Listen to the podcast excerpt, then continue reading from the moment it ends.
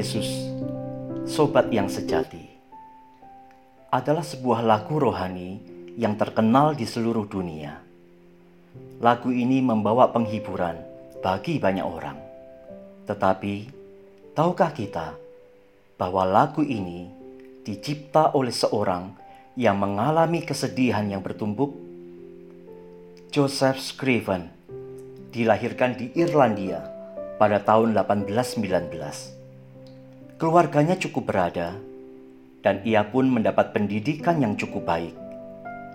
Setelah lulus dari perguruan tinggi, Scriven berencana akan melangsungkan pernikahannya dengan seorang gadis Irlandia yang cantik.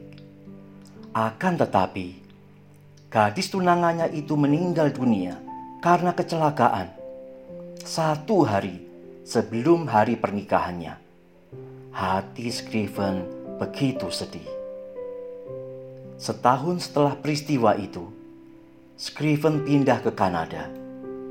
Selama beberapa waktu, ia menjadi seorang guru dan kemudian bertunangan dengan gadis pujaannya. Namun, tragedi kedua tak dapat dihindari. Kekasihnya itu meninggal dunia setelah mengalami radang paru-paru tak lama sebelum hari pernikahan mereka.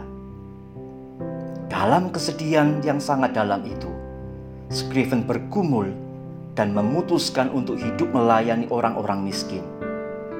Ia mencari anak-anak yatim piatu supaya dapat ditolongnya. Ia bekerja sebagai tukang kayu sukarela untuk para janda yang berkekurangan. Ia bahkan memberikan pakaiannya kepada orang-orang yang lebih membutuhkan. Sepuluh tahun kemudian, ibunya di Irlandia sakit keras dan ia sangat sedih. Scriven tidak sempat mengarungi samudera dan pulang ke negeri asalnya. Namun ia rindu sekali menghibur hati ibunya. Lalu ia menuliskan sebuah syair tentang Yesus sahabat yang sejati bagi orang yang lemah. Satu salinan ia kirimkan kepada ibunya satu lagi ia simpan. Beberapa tahun kemudian, Scriven sendiri jatuh sakit. Seorang tetangga yang merawatnya menemukan salinan syair tadi di kamarnya. Ia senang akan isinya dan bertanya kepada Scriven tentang sumbernya. Lalu Scriven menceritakan latar belakang karangannya itu. Singkat cerita, Syair tersebut digubah oleh Charles Converse, seorang komposer yang hebat.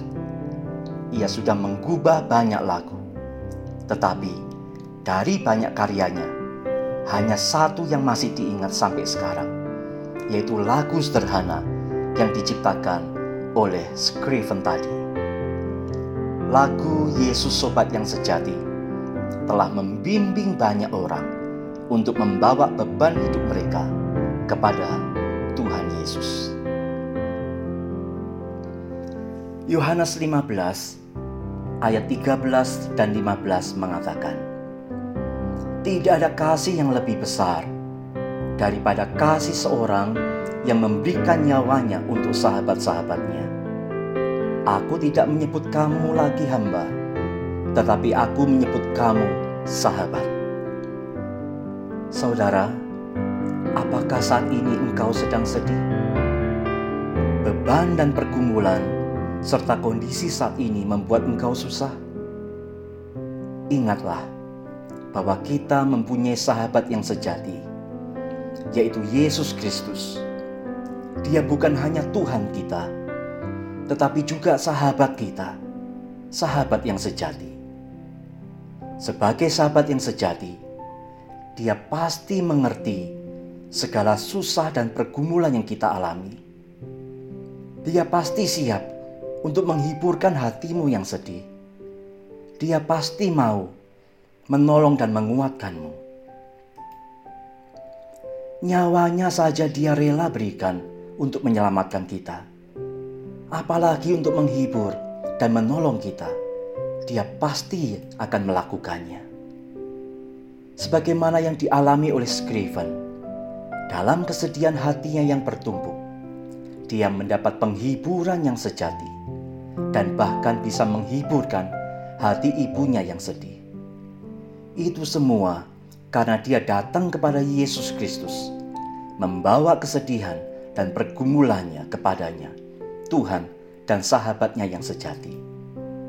Oleh karena itu, saat ini, mari bawalah seluruh kesedihan dan pergumulanmu kepada Yesus, sahabat sejati kita. Dan biarlah kita memperoleh penghiburan dan kelegaan.